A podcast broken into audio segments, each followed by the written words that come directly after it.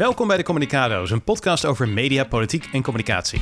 In deze aflevering gaan we het hebben over Het publicatieverbod voor het AD. Wat is er zo problematisch en wat betekent het voor Galit? dan carrièreadvies voor Wilfred Gené. Plus waarom Arjen Lubach altijd een donkerblauw giletje draagt. Verder, Jon Stewart komt terug naar de Daily Show. En wat zegt Sophie maandag over haar maatje Galit? Als je deze podcast leuk vindt, klik dan op volgen en laat een recensie achter op Apple Podcasts. Laten we snel beginnen, want ook deze keer hebben we weer een hele leuke show.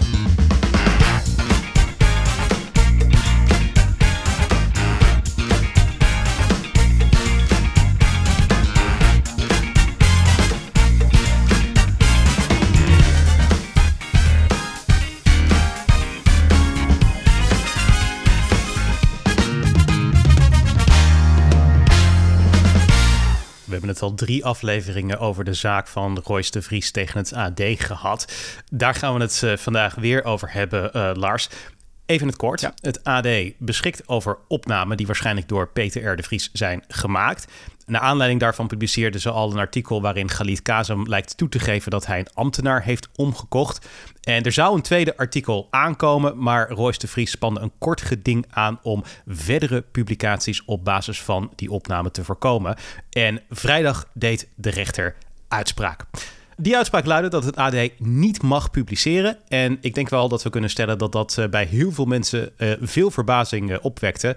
Inclusief bij jou. Dit had je niet verwacht, Lars. Klopt, dit is een onverwachte uitspraak en ook een heel vergaande uitspraak. Een ongekende vorm van persbreidel. Want het gaat hier niet om één publicatie die is verboden, want dat, ja, dat gebeurt wel vaker. Ja. Maar het gaat om alle toekomstige publicaties op basis van de geheime opname. Dat zijn dus opnamen die de rechter niet heeft gehoord, die zelfs de AD-journalisten mogelijk nog niet eens gehoord hebben, want wie weet hoeveel van deze opnamen er nog zijn. En het gaat dus om artikelen die nog niet eens geschreven zijn. En die zijn nu al bij voorbaat verboden. Ongeacht de insteek, ongeacht de onderbouwing, ongeacht alle waarborgen en zorgvuldigheid met hoor en wederhoor. En ja, het AD kondigde dezelfde avond nog een spoedappel aan. Waarbij ja, dan drie rechters naar deze zaak zullen kijken. In plaats van eh, dus deze ene. Ja, ja en dat is wel opmerkelijk, want eh, deze rechter heeft wel eens in het verleden eerder uitspraken gedaan over een zaak waarin een artikel verboden werd.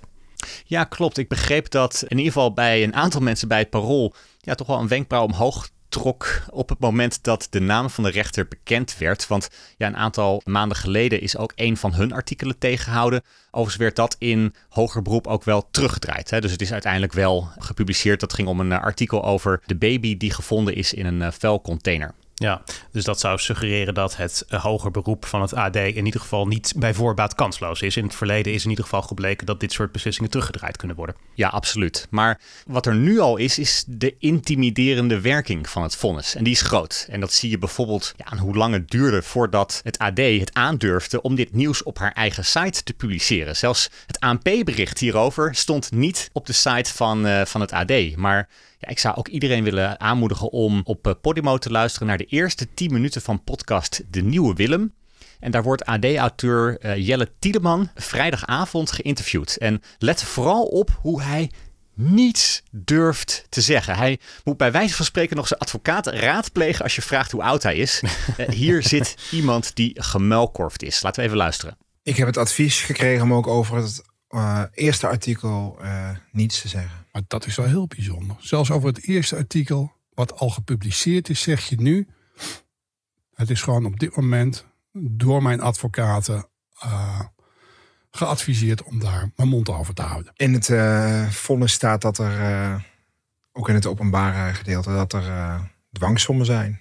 Ja, dus zelfs over het eerste artikel dat al in de krant heeft gestaan, wat we allemaal al hebben kunnen lezen, daar durft hij op dit moment niets meer over te zeggen. Vanwege de waarschijnlijk enorme dwangsommen, waarvan wij dus niet eens mogen weten hoe hoog die dwangsommen zijn.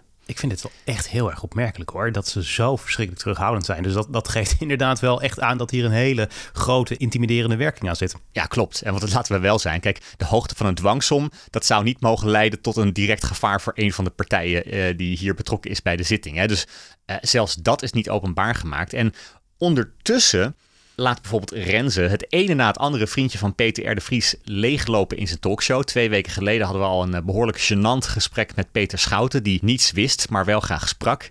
En vrijdagavond zat daar Gerard Spong, die vijf jaar geleden nog een boek schreef met Peter de Vries en nu ontzettend blij is dat de rechter censuur oplegt. Misschien wel omdat hij bang is dat er ook tapes zijn met hem erop. Maar ja, die vraag werd natuurlijk niet gesteld door Renze. de titel van het boek is trouwens uh, eh, PS, dit is uh, vertrouwelijk. Uh, en dat is in het licht van deze opname best een opmerkelijke titel. Maar los daarvan, dit raakt natuurlijk wel de kern van de persvrijheid. Hè? Dat is iets wat in artikel 7 van de grondwet is gewaarborgd. Op basis van dat denk ik, dit is behoorlijk opmerkelijk. Ja, en weet je wat ik hier nou zo problematisch aan vind? We hebben in Nederland een grondwet en de fundamentele principes daarvan, waaronder dus artikel 7, het censuurverbod, ja, die moeten we koesteren. En dat is precies waarom vier partijen nu al een maand met informateur Ronald Plasterk spreken over de grondwet, de grondrechten en de democratische rechtsstaat. En ja, soms botsen rechten. Maar fundamentele principes van onze grondwet mag je niet zomaar opzij zetten zonder een inhoudelijke en controleerbare rechtvaardiging. En dit uitreksel is zo sumier dat het inhoudelijk maatschappelijk debat bijvoorbeeld over de wenselijkheid van deze uitspraak haast onmogelijk wordt gemaakt. En ik vind het best beangstigend als elke rechter publicaties kan verbieden, toekomstige publicaties kan verbieden waarvan nog niet eens duidelijk is wat erin staat, zonder dat we als samenleving kunnen controleren wat er nou eigenlijk precies is verboden, laat staan waarom. En Zelfs als je niet het achterste van je tong kunt laten zien bij de overwegingen. Want ik snap best dat hier gevoeligheden spelen. Dan verwacht ik dat je als rechter op zijn minst kristalhelder bent over wat je precies hebt besloten. Hoe ver reikt dit verbod? Waar ziet het wel en niet op toe? Wat is de belangrijkste reden voor het verbod? Wat is de dwangsom? Zijn de auteurs nog andere beperkingen opgelegd? Zo ja, welke? En we luisterden net dus dat fragment van uh, Jelle Tieleman bij de Nieuwe Willem. En Kijk, je hoort het daar direct dat hem ook persoonlijke beperkingen zijn opgelegd. Hij durft niet eens meer over het eerste artikel te spreken. En zo te horen mag hij dus niet eens vertellen welke beperkingen dat zijn. En ja, dat betekent dat je hem als rechter effectief muilkorft. Niet alleen met het publicatieverbod, maar ook in het maatschappelijk debat over dit vonnis en zelfs over deze hele zaak. Hebben we enig idee waarom de rechter heeft bepaald dat je zelfs niet mag praten over de hoogte van de dwangsommen? Want dat vind ik eigenlijk echt heel opmerkelijk. Nee, dat, dat komt niet terug in het fonds. Ik heb nog niemand daar een goede reden voor horen geven. Nee. Um, het is gewoon echt heel sumier uitleg gedaan. En ja, zelfs dit soort dingen staan er niet in. Wat ik opvallend vond, is dat je op ad.nl geen enkel commentaar vindt op het vonnis. Terwijl dit toch schreeuwt om een gepeperd hoofdredactioneel commentaar, worden geen experts aan het woord gelaten, juridische experts die er wat over kunnen zeggen. Er zijn geen andere artikelen over het onderwerp. Waarom is dat zo? Valt dat soms ook onder het verbod? En Kijk, journalisten die zich zorgen maken om de persvrijheid en de vrijheid van meningsuiting, zouden hier, wat mij betreft, eens wat dieper in moeten duiken. Wat, wat mag er allemaal niet meer gezegd worden door het AD en de auteurs? Op basis van welke voorwaarden? Wat nu als er ander bewijs wordt gevonden dan deze heimelijke opname? Mag het dan wel gezegd worden? Hoe ver reikt dit vonnis? Dat is echt extreem onduidelijk. En de opmerkelijke situatie is natuurlijk dat Royce de Vries nog wel alles mag zeggen. Want hij heeft een boek hierover uh, gepubliceerd. Een paar maanden geleden is dat uitgebracht. Maar als je wil factchecken, dus kennelijk wat er in dat boek staat, dan kan je daar niet vrij over praten. Nee, klopt. Uh, deze week was uh, Royce de Vries blij in de media omdat zijn boek op plaats 8 staat bij de best verkopende boeken van Nederland. Het boek is eind november uitgekomen en staat alsnog in de top 8 van het vorig jaar. Dus het, dat is echt heel goed verkocht. En ja, in dat boek worden heel veel straatjes schoongeveegd. Zijn verhaal wordt verteld over zijn vader en ook over Khalid Kazem. Het boek staat vol met vertrouwelijke en geheime informatie. En daarmee zou ik zeggen, neemt hij bewust en weloverwogen ook deel aan het maatschappelijk debat. Maar als twee verslaggevers er op basis van zorgvuldige journalistiek een ander perspectief naast willen plaatsen, dan wordt dat nu dus verboden. Ja, en dit maakt jouw eerdere analyse natuurlijk extra relevant. Je hebt het uh, vorige week ook gehad over het feit dat er een aanzienlijke kans is dat de bron het materiaal nu elders uh, verspreidt. Uh, de bron had immers een motief voor openbaarmaking van de opname en dat motief zal nu niet ineens anders zijn. En ja, daarnaast hoor- en wederhoorvragen die gaan inderdaad rond in het Hilversumse wereldje. dat bevestigde deze week ook John van de Heuvel in zijn column in de Telegraaf. wat, wat een letterlijke quote daarin is, is dat de vragenlijst onthult precies op welk spoor de krant zit. Met andere woorden, veel meer mensen weten wat er ongeveer in dat artikel staat nu. Ja, klopt. En wat ik dan interessant vind is van wie weet op dit moment nou precies wat? Is de NPO bijvoorbeeld ook al op de hoogte van de inhoud van het tweede artikel? Dus ik heb zowel BNN-Vara als de NPO wat vragen voorgelegd. Ik heb BNN-Vara bijvoorbeeld gevraagd, hebben jullie de wederhoorvragen gedeeld met de NPO? Hm. Nou, het antwoord daarop was geen commentaar. Oké. Nou ja, gelukkig had ik het ook aan de NPO gevraagd. En zij zeggen expliciet nee. Oké. BNN-Vara heeft die vragen niet met ons gedeeld. Dus in Interessant. ieder geval via officiële weg weet NPO nog niet wat in het tweede artikel staat. Wat valt verder op in de vragen die ik heb voorgelegd? Kijk, bij BNN-Vara hebben ze de zaak uit 2020 echt niet scherp eh, voor ogen. Eh, ook nu nog niet. Want Dat ik gaat over die bijvoorbeeld- versleutelde berichten waarin werd eh, verwezen naar het broertje van Moussa. Dat zou eventueel Galit Kazem kunnen zijn. Die zou hebben gelekt naar de bende van Ridouan Taghi. Klopt. En ik vroeg de voorlichter of de omroep erkent dat Galit Kazem nooit is vrijgepleit door de Amsterdamse deken als het gaat om het lekken naar Taghi. Ook al beweert hij zelf dus anders, onder meer in de, in de Volkskrant. Ja. En daarop schrijft het hoofd voorlichting van BNN-Vara... de Amsterdamse deken heeft laten weten dat er geen bewijs is gevonden voor deze beschuldiging. En dat is dus feitelijk onjuist. Er was wel bewijs. Er was alleen niet voldoende bewijs. En daarover zei de deken in het, tegen het FD, zoals jij eerder in de podcast al aanhaalde. Ik ben net als de officier van justitie op zoek gegaan naar ondersteunend bewijs. Want één PGP-bericht is te weinig, maar dat aanvullende bewijs heb ik niet gevonden. En Precies. Er dat is echt wat anders dan dat er geen bewijs is. Zeker, ja. Laten we eens even kijken naar de gevolgen voor eh Galit eh, Kazem. eh, voor zowel zijn carrière als advocaat als presentator. Om met die laatste rol te beginnen. Maandag begint uh, Galit en Sophie onder de nieuwe naam Jeroen en Sophie. Is met dit publicatieverbod de kans groter dat uh, Galit op korte termijn terugkeert volgens jou, Lars? Kijk, voor zijn tv-carrière is Galit Kazem afhankelijk van BNN-Vara. En het probleem daar is dat die weten via de uitgebreide hoor en wederhoor al heel goed waar het artikel over gaat. Dus die nemen dat uiteraard mee in elke afweging, ongeacht of het AD-artikel alsnog wordt gepubliceerd. En eerder vertrokken Matthijs van Nieuwkerk en Frans Klein naar de commerciële, maar ja, dat lijkt hier dus juist ja, onwaarschijnlijk tot het moment dat er duidelijkheid over is. En zolang het artikel niet wordt gepubliceerd, is die duidelijkheid haast onmogelijk. Dan blijft het al snel boven je hoofd hangen als een zwaard van Damocles. Waardoor ik me dus ook afvraag of Galit nou eigenlijk echt geholpen is met deze uitspraak. Want nu kan hij het ook nooit achter zich laten en een streep eronder zetten. Ik vroeg ook de NPO van is er nou een criterium dat jullie gebruiken om te bepalen wanneer en of hij terug mag keren? Nou, daar willen ze absoluut niks over zeggen. Wat ik dan weer opvallend vind, want met Matthijs van Nieuwkerk deden ze dat juist wel. Ja, Ja, misschien zien ze nu al in dat een terugkeer eigenlijk niet reëel is. Dan zijn toekomst als advocaat. Hoe, hoe, hoe zie je dat, Lars? Ja, kijk, voor een terugkeer naar de advocatuur is hij afhankelijk van de orde van advocaten. En in het uitreksel van het vonnis staat niet zoveel, maar paragraaf 6.3 luidt: de voorzieningenrechter heeft evenals IJzer en de orde vertrouwelijk kennis genomen van de voorgenomen publicatie. En dat betekent dus dat de deken van de Orde van Advocaten weet wat er in het artikel staat. En voor het instellen van dit onderzoek maakt natuurlijk niet uit of het artikel daadwerkelijk ook in de krant komt. Dat maakt de rol van de deken overigens wel extra dubieus. Want op basis van het eerste artikel werd al een onderzoek ingesteld, op basis van het tweede mogelijk ook. Wie weet hoeveel onderzoeken nog hadden gevolgd op basis van al die artikelen die de deken nu zelf wil tegenhouden. Maar goed, ja, ook een terugkeer in de advocatuur kan dus mogelijk een lastig verhaal worden, ongeacht hoe het hoger beroep verder afloopt. Nou ja, kortom, dus nog een uh, hele onzekere toekomst uh, voor Galit uh, Kazem. En ik denk dat we in ieder geval kunnen constateren dat uh, wat hier is besloten door de rechter echt ongekend is. En ja. nou ja, een hele opmerkelijke situatie die we ook de komende tijd zullen blijven volgen. Ik ben benieuwd wat de komende wendingen gaan zijn hier. Het blijft zich maar opstapelen. De ene onverwachte wending naar de andere onverwachte wending. Ja. Nou, wat we in ieder geval elke week wel weten, is dat jij het een keertje over vandaag in site wil hebben. dat is toch wel een nou, van de stabiele ja. factoren in deze podcast. Je ja. hebt weer gekeken en je hebt weer een mening. Ik word uh, door een medecurant tegenwoordig omschreven als de VI-kenner. dat is wel opmerkelijk. Maar goed, anyway. Ja, ik heb natuurlijk weer deze week gekeken, Lars. Ik uh, ben uh, de correspondent VI-zaken voor deze podcast.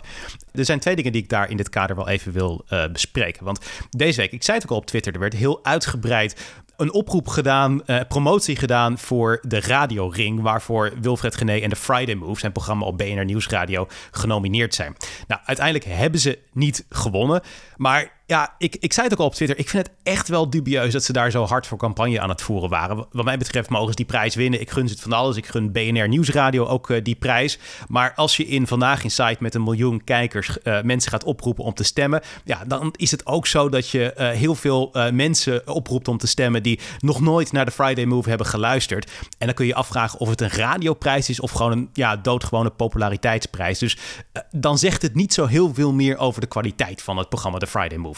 Ja, nee, want ik zag overal van die oproepen van mensen die wilden dat je op je zou gaan stemmen. Dat is een beetje het idee van die radioring volgens mij. Klopt. Ik was vorig weekend was ik in de Amsterdam Arena en er stond op elke wc stond bij elke kraan een oproep om op de Pantelich podcast te stemmen. Oh maar daar kan ik me nog voorstellen van, kijk, dat zijn Ajax supporters. Ja. ja is best een kans dat ze naar een Ajax-podcast luisteren. Zeker. Maar dat vind ik toch echt anders wanneer je in een televisieprogramma dat helemaal los staat van je radioprogramma een oproep doet om op een radioprogramma te stemmen. Zeker. Ik, ik kan me ook voorstellen, want ik vind het ook niet gek dat uh, eh, 538 promotie maakt voor uh, de 538 ochtendshow als in zij moeten de radioring winnen. Want ik denk dat 538 luisteraars waarschijnlijk ook naar de 538 ochtendshow uh, luisteren. Dus dat vind ik ook allemaal niet gek. Dus BNR, die doen ook inderdaad promotie voor de Friday Move. Vind ik ook niet gek. Maar het weekbereik bereik van BNR is zo'n 500.000 mensen. Ja, dat is dus de helft. Dus dat is wat in de totale week naar het aantal mensen dat naar BNR luisteren. Dat is niet, ja, als we eerlijk zijn, superveel. Het heeft gewoon niet zo heel veel marktaandeel. Ongeveer 0,8% eh, marktaandeel. Het is niet een heel groot radiostation. Om niet te zeggen dat het een van de kleinste is.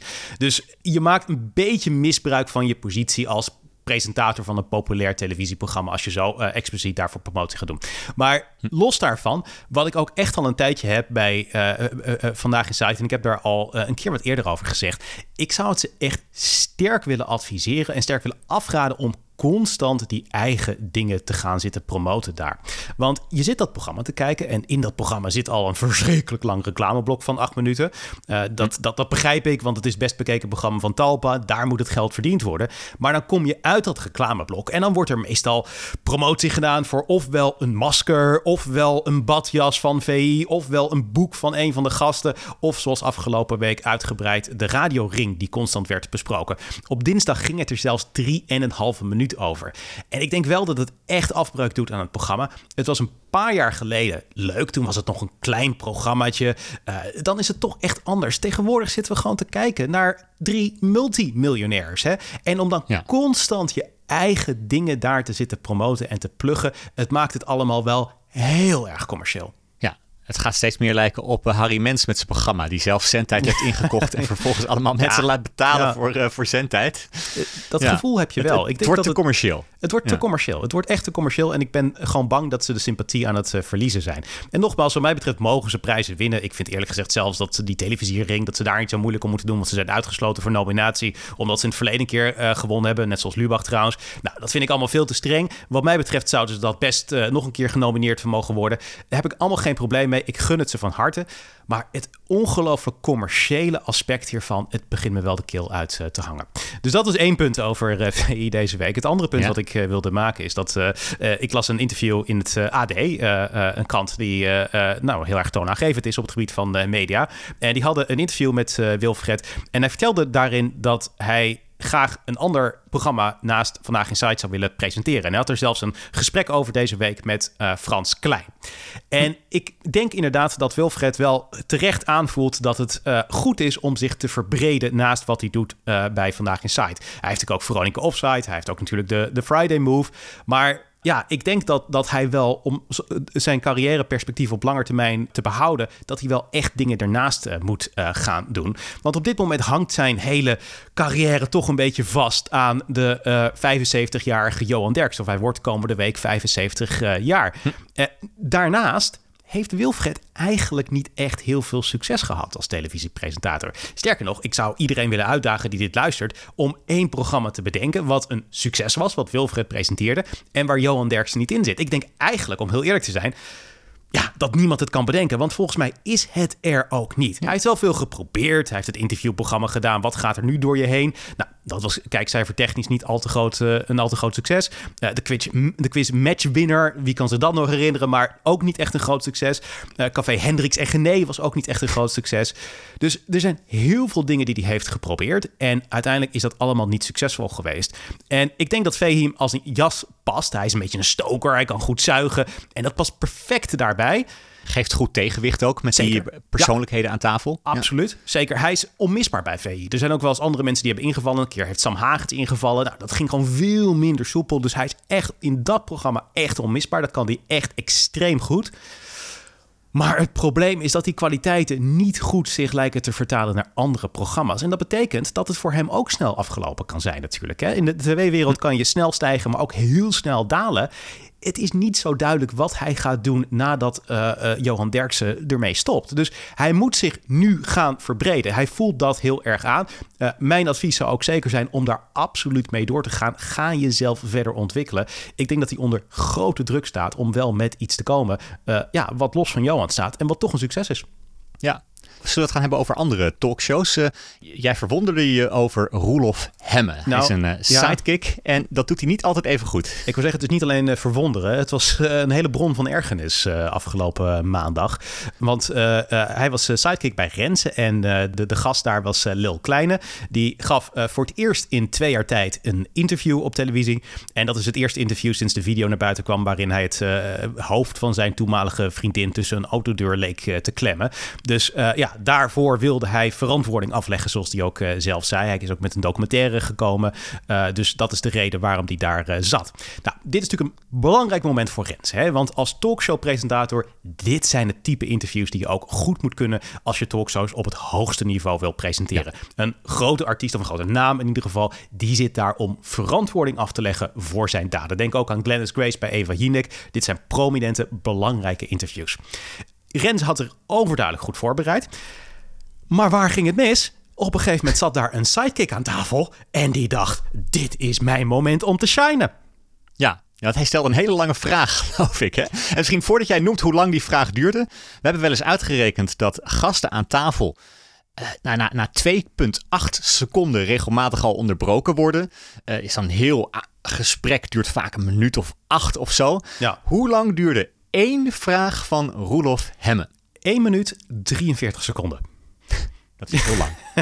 ik, ja, weet je, eh, ik, niemand houdt dit soort statistieken bij. Maar ik durf eigenlijk wel te zeggen dat dit de langste vraag is die ooit in een talkshow is gesteld. Het is extreem en extreem en extreem lang. En ja, dat maakte eigenlijk het hele interview minder sterk. Want daarmee uh, schopte hij de hele opzet. Die ja, Renze Klamer zorgvuldig aan het opbouwen was omver. Het was echt, wat dat betreft, uh, echt extreem onhandig. En het grappige was, de uiteindelijke vraag die hij stelde... was niet eens verschrikkelijk slecht. Ik vond het eigenlijk best een interessante vraag. Alleen in plaats van die hele aanloop... had hij hem gewoon in drie seconden moeten stellen... in plaats van in 1 minuut en 43 seconden. Ja, dat is ook wat we politici overigens adviseren. Hè? Dus heel vaak zie je dat de interrupties veel te lang zijn. Maar hoe langer je interruptie is, hoe makkelijker die vaak te beantwoorden is. Dus een korte, krachtige vraag, die is lastig om te beantwoorden. Zeker, ja. Ja, ja het hielp hier niet mee dat hij ook helemaal over zichzelf ging praten en dergelijke. Nou ja, goed, het was echt uh, gewoon niet te volgen op een gegeven moment meer.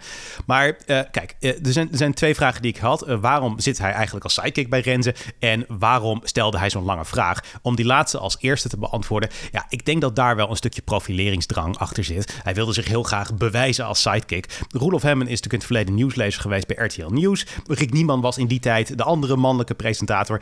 En Rick kreeg eigenlijk altijd alle grote uitzendingen. Die kreeg altijd alle kansen bij RTL.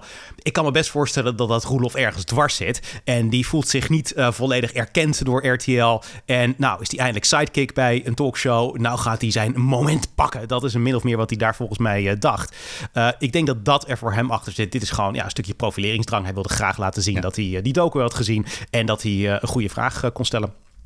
Of hij was het natuurlijk gewend van, uh, van Jinek. Daar mocht hij altijd van die lange monologen en uitlegblokjes ja, geven. Ja. Zij dacht van, uh, ik mag altijd twee minuten aan het woord zijn en nu ga ik het pakken ook. Ja, maar, het, ja, maar ik vond het, ja, maar dat is die, die eerste vraag die ik opwierp. Van waarom zit hij als sidekick bij Renze? Want bij Jinek was hij inderdaad de vaste sidekick, maar had hij zijn eigen tafeltje waar hij achter stond en deed hij gewoon zijn nieuwsblokjes. hij is niet echt een personality, dus in dat opzicht is het niet per se logisch dat hij daar in een talkshow sidekick is. De, de interactie met Eva, die was echt ook zeker niet soepel. Hè? Dus hij kan gewoon goed nieuws lezen. Hij heeft een goede stem daarvoor. Hij hakkelt niet. Dus dat kan hij goed. Maar echt die interactie die zo belangrijk is aan een talkshowtafel, dat doet hij niet goed. En ik, ik denk de reden dat hij er als sidekick is uh, gevraagd uh, bij Renze, is eigenlijk gewoon omdat hij het grootste slachtoffer is van de overstap van Eva Jinek. Iedereen heeft onderdak uh, gekregen. de redactie van Eva Jinek die gaat gewoon aan de slag voor Bo en Renze. sommigen zullen misschien meegaan naar Eva Jinek, maar die mensen die komen allemaal wel weer aan werk. Roelof Hemmen is de enige die uiteindelijk nog geen onderdak had gevonden. En ik denk gewoon dat ze bij uh, Rens dachten van... het is natuurlijk uh, de, de, de, Pilot Studio, dat hetzelfde bedrijf... dat al die talkshows uh, produceert. Ik denk dat ze gewoon dachten van... ja, wat zielig voor die Roelof. Nou, laten we hem een keer vragen als sidekick. Hij is misschien niet de beste, maar hoeveel schade kan die nou aanrichten? Hè? Hoeveel dingen kan die nou hier verknallen? Nou, daar kan die koude kermis zijn verpesten. ja, ja, ja, ja. Dus ik denk dat dat is een beetje hoe het zit. Maar ik, het lijkt me sterk dat hij uh, terugkomt. Want uh, ja, er zijn veel dingen die als sidekick vergeven worden. Uh, een te pittige mening, dat, dat wordt je nog wel eens vergeven. Dat is ook Eusjen Akkiel bij Vandaag in Site vergeven. Die zat ook weer gewoon na die hele boa aan tafel. Zoals ik ook had voorspeld trouwens. maar het, het, het in de weg zitten van de presentatie dat komt toch wel in de buurt van een kardinale fout. Het lijkt mij dat dit het einde is van Roelof Hemme als sidekick. Het was zowel het begin als het einde van Roelof als sidekick. Laten we het gaan hebben over iets heel anders. Want Kijk, jij zit nu tegenover mij in een goedkoop wit t-shirtje. Maar je wil het gaan hebben over styling. Je rechtvaardigde overigens dat goedkope witte t-shirtje door te stellen dat je straks gaat hardlopen. Ja, klopt. Ja, ja zeker. Dat is mijn hardloop-shirt. het stinkt ook een beetje trouwens, want ik heb er al eerder in gesport. Maar goed, dat even terzijde. Deze dingen over styling gaan ooit mij uh, zeer in de problemen brengen. Maar desalniettemin. Uh, de avondshow is natuurlijk terug, uh, Lars. Ik, heb je trouwens ja. gekeken afgelopen week? Jazeker, ja, zeker. Leuk hè? Ja. Hij Erg is blij... weer lekker op dreef. Ja, zeker, zeker. Ja, Arjan is het vijfde seizoen begonnen met een aanmerkelijke korte kapsel. Is dat jou ook opgevallen? Ja, zeker. Ja, ja het is echt korter. Een minder Fris. grote kuif. Ja. Wat niet is veranderd, is het gilet uh, van uh, Arjan. Want het is nu zo dat we al meer dan twee jaar aankijken tegen een donkerblauw gilet... wat hij dag in, dag uit draagt. Het is altijd dat donkerblauwe gilet. Er zijn meerdere kleuren blauw, maar altijd donkerblauw. Ja, dit laat overigens voor, vooral voor mij zien hoeveel eenvoudiger mannen het hebben op tv dan vrouwen. Want probeer je eens voor te stellen dat we een vrouwelijke presentator zouden hebben ja. die al twee jaar lang ja. exact hetzelfde shirt aan heeft. En soms misschien net iets meer okergeel en dan weer iets andere uh, tinten van geel, maar al twee jaar lang exact hetzelfde. Nou ja, iedereen zou er commentaar op hebben. Uh, jij begint bij Arjen Lubach pas erover nadat het twee jaar lang ja. al zo is. Ja, ja, ik moet je eerlijk zeggen, ja, het, het, het is een hele uitgesproken stijlkeuze, zo'n uh, Gillette. Uh, het, is, het, niet, dit, is duidelijk niet, het is niet een standaard ding. Hè? Een pak zou je nog kunnen zeggen van, nou, dat wordt van je verwacht in die rol. Maar een gilet met, een, met meestal een stropdas, dat, dat is best een uitgesproken stijlkeuze. Ik denk overigens dat hij al echt aan vernieuwing toe is. Maar ik zat me vooral af te vragen, waarom draagt Arjan altijd een gilet? En ik denk dat ik er een verklaring voor heb. Ik denk dat hij dat doet omdat hij daarmee van zichzelf een beetje een karakter maakt. Op dezelfde manier dat Laurel en Hardy ook altijd hetzelfde uh, droegen. Uh, je kleding wordt dan eigenlijk een soort van kostuum. En dat is iets waarachter je je kunt verschuilen. Dus je kunt je eigenlijk gekker gedragen dan als je daar in gewone kleding staat. Dan voel je meer de druk om gewoon te zijn, om normaal te zijn uh, ergens. Dus ik denk dat dat erachter zit. Maar ik moet je eerlijk zeggen, ik denk wel dat, dat het echt een beetje aan vernieuwing toe is. Wat mij betreft zou dat anders mogen. Ja, ik vind het wel wat hebben hoor. Ja? Steve Jobs die stond er ook altijd in dezelfde zwarte kooltrui op het podium. En volgens mij heb ik zelfs een keer beelden gezien waarbij hij thuis liet zien dat hij 50 kooltruien op een rij heeft uh, nou, hangen. Dat heeft hij zijn biografie even verteld. Het staat in zijn biografie. Het is geen beeld van volgens mij, maar het heeft het wel zo aan zijn biografie verteld. Hij had een, ja. een hele en... kast vol zwarte kooltruien. Ja. Obama had altijd natuurlijk een wit shirt met uh, opgestroopte mouwen.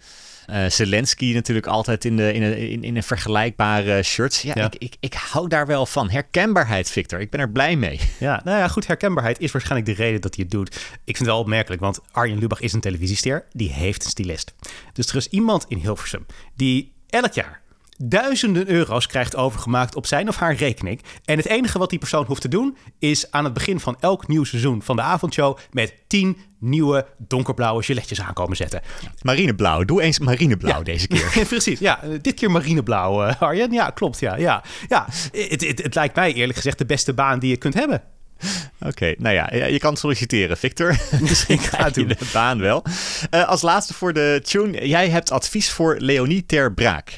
Ja, ik denk dat je officieel wel kunt stellen dat het niet echt heel lekker gaat met eh, de carrière van uh, Leonie Ter Braak. Sinds ze overgestapt is naar RTL 4 verschijnt ze in allerlei programma's, meestal als uh, panellid. En er is echt heel veel kritiek uit echt ook wel alle hoeken. We hebben het in het verleden in de podcast ook wel eens over haar gehad. Ik deel veel van die kritiek ook wel. Maar ik heb er ook een verklaring voor proberen te vinden van waarom die weerstand er tegen haar is. Want ik voel hem zelf eigenlijk ook wel een klein beetje. Ze zit heel prominent in doet hij het of doet hij het niet op dit moment als panellid. Uh, ze zit ook in het panel van uh, beste kijkers. Waarom is er zoveel weerstand tegen Leonie ter Braak? Waarom hebben mensen kennelijk een hekel aan haar massaal? Hm. En ik denk de verklaring die ik ervoor heb, is dat zij ontevreden oogt. En dat heb ik al een aantal keer bij haar gezien. Of ik denk in ieder geval dat ik dat waarneem bij haar. Ontevredenheid over waar zij is beland in haar carrière. Ze vindt dat zij recht heeft op meer. Dat haar uh, grotere uh, programma's toekomen. Dat idee denk ik te zien bij haar. Ja, kun je er wat voorbeelden van geven? Ja, ik, ik zie dat al een tijdje. Want uh, zij, dat, toen ze nog bij SBS zat, echt jaren geleden, uh, presenteerde ze wel eens uh, shownieuws. Dat was in 2019. En ik weet nog dat ik het toen de tijd wel eens zat te kijken.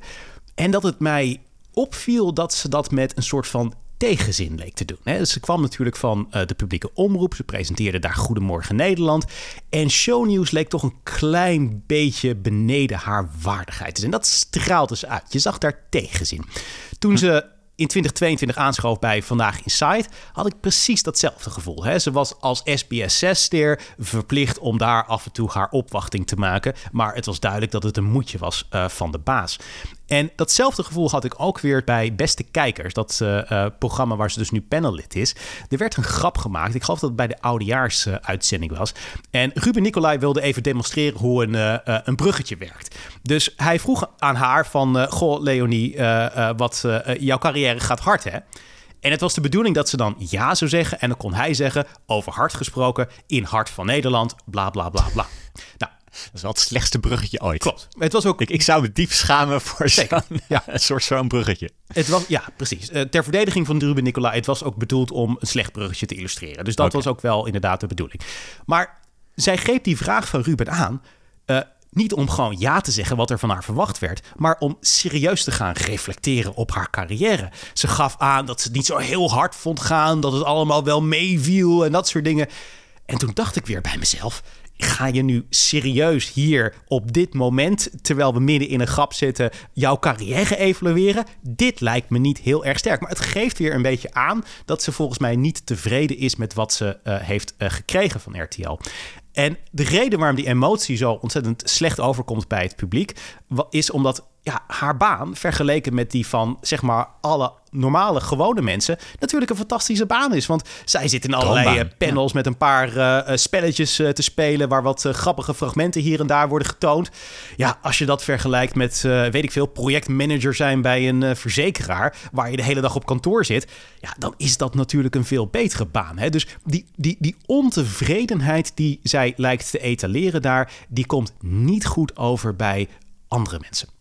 Je hebt nu de helft van alle luisteraars boos gemaakt, maar uh, het is... Ja, nou, is toch meer dankbaarheid tonen. Ja. ja, nee, zij moet meer dankbaarheid tonen. Dat ben ik wel met je eens. Ja. ja. Oké. Okay. Nou ja, straks gaan we kijken wat uh, Sophie Hilbrand maandag gaat zeggen tijdens de eerste uitzending van Sophie en Jeroen. Maar voordat we dat gaan doen, is het weer tijd voor de tune van de week. Want elke week kies jij, Victor, een legendarische tv-tune uit jouw collectie die volgens Guinness Book of World Records maar liefst 78 dagen aan muziek bevat. Wat heb je meegenomen? Nou, ik heb een, uh, er eentje meegenomen uit de oude doos uit het jaar 1989. En het is de uh, leader van de Avro. Dit is de tijd waarin omroepen nog heel erg belangrijk zijn. Ze hebben hun eigen vormgeving, hun eigen leaders om mensen duidelijk te maken. Je kijkt nu naar de Avro. Een avondje Avro is het.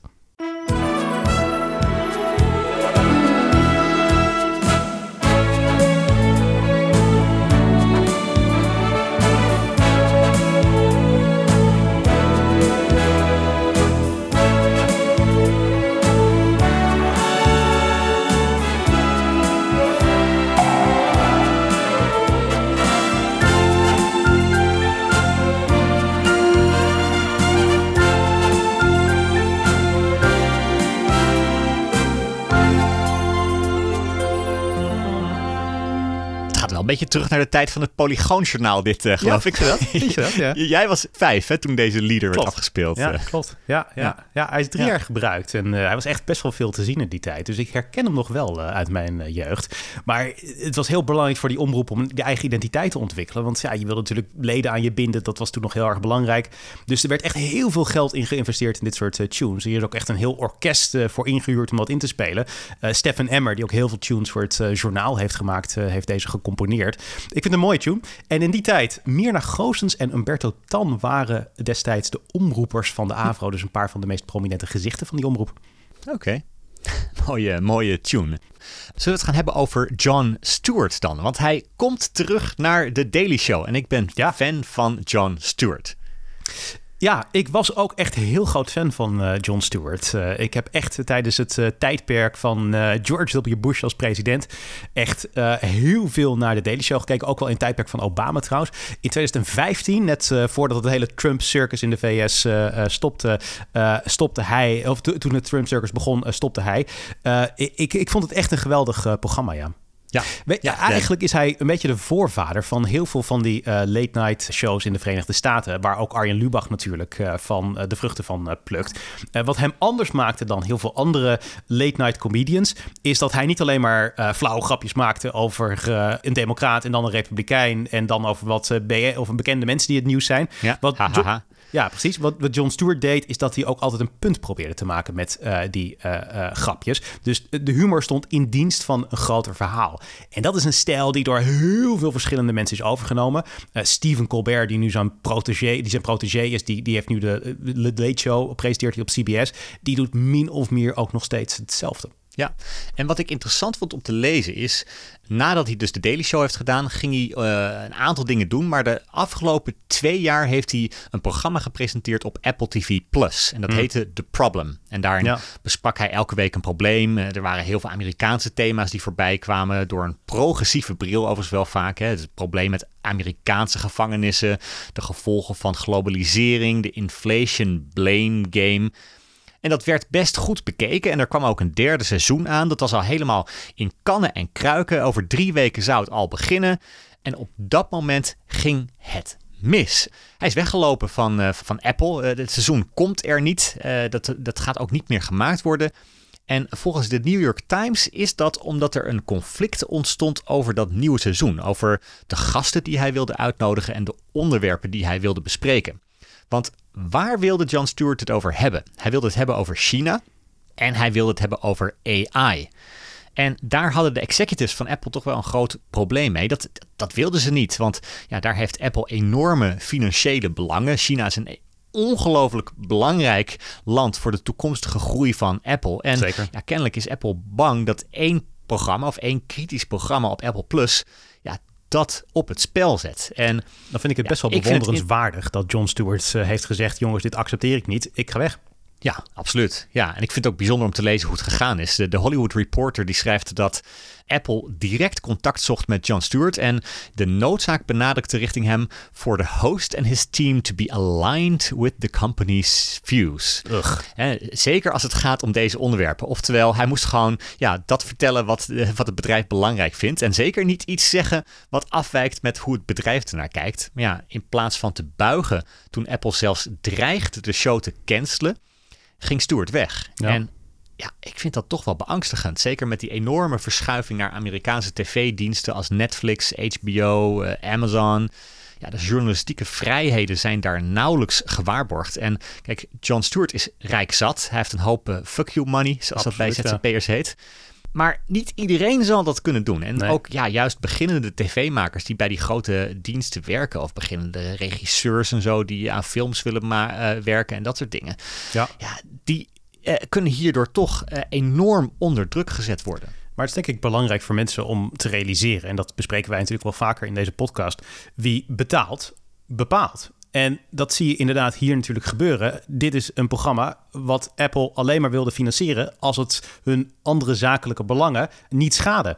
Eh, dat is wat hier gewoon aan het gebeuren is. En dit is ook overigens niet alleen maar eh, Apple en deze streamingsdiensten die jij net noemde, die, dat, eh, die, zich, dat soort, die zich schuldig maken aan dat soort gedrag. Je ziet het ook aan de filmmaatschappijen in Hollywood. Die willen graag dat hun film ook in China te zien is. Maar om in China uh, je film te kunnen distribueren, heb je toestemming nodig van de Chinese overheid. En die toestemming krijg je niet als je China op een negatieve manier portretteert. Dus heel veel Hollywoodfilms, in de hoop dat ze ook in China te zien zullen zijn, want dan kunnen ze er heel veel extra geld aan verdienen, zetten China neer op een hele positieve manier. Ook daarvan kan je al afvragen: ja, is dit nou wel goed? Is dit wenselijk? Ik denk in ieder geval dat het goed is dat dit soort dingen veel meer besproken worden. Want uh, ik denk dat het wel een effect kan hebben op de beeldvorming van in dit geval China. Ja, ja, eens. En tot op zekere hoogte is het fenomeen denk ik niet helemaal nieuw. Want kijk, als je in Amerika een Oscar wil winnen of veel Oscars wil winnen voor je film, dan helpt het toch wel als Amerika in een positief daglicht wordt gesteld. Er zijn heel veel heldenverhalen over Amerika die, eh, die veel Oscars uh, winnen.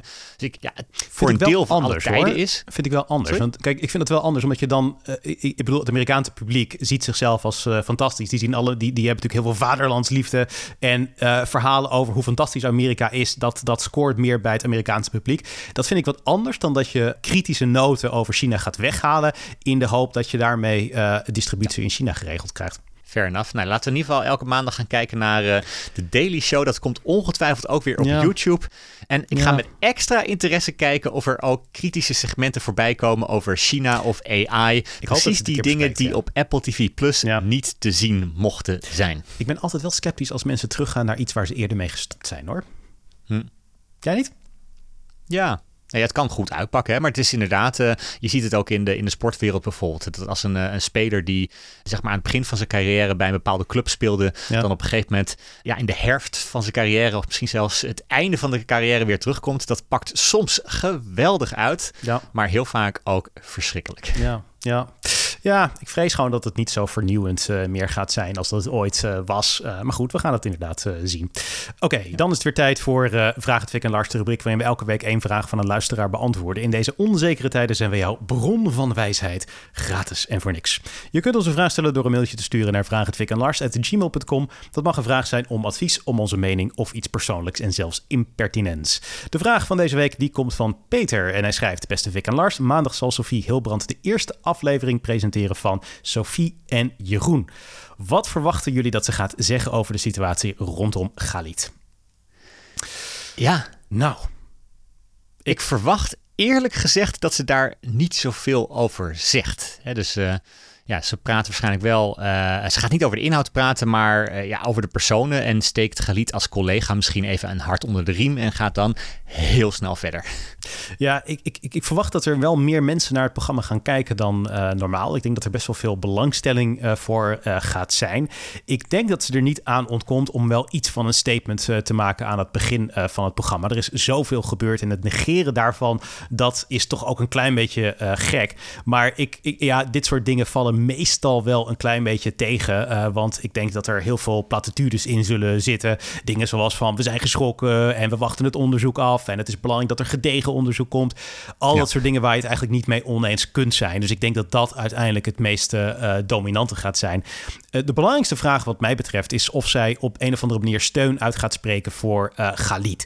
En kijk, wat je daar ook kiest, het kan op kritiek komen te stuiten. Want als ze geen ja, steun uitspreekt voor Galit dan kan dat mogelijk oncollegiaal overkomen. Maar als ze het wel doet, kan dat later gezien worden als dat BNNVARA de ogen sloot voor de overduidelijke problemen met uh, Galit. Dus het is echt wel een lastig uh, dilemma. Ja, misschien zou ze iets kunnen doen waarbij ze ja, impliciet laat merken dat ze toch wel hoopt dat hij terugkomt. Iets in de zin dat ze zegt van ik verwacht dat hij binnenkort weer terugkeert. Of ik ken hem als een zeer integere en vriendelijke collega. Iets in die trant juist daar gaat denk ik echt helemaal niets over zeggen.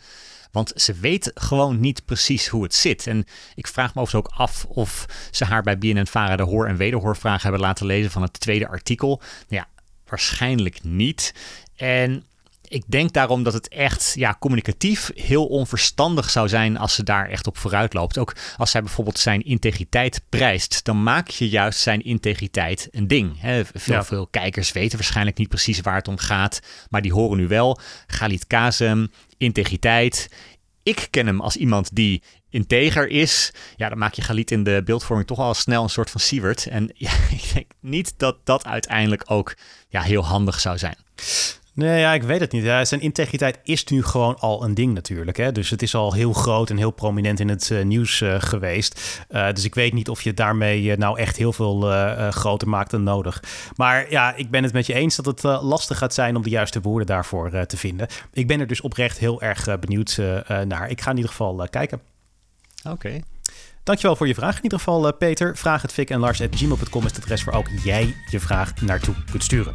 Tot zover deze aflevering van de Communicado's. Als je dit een leuke podcast vond, klik dan op volgen en schrijf direct een recensie in Apple Podcast. Ik wens je een hele fijne week. Hoi hoi.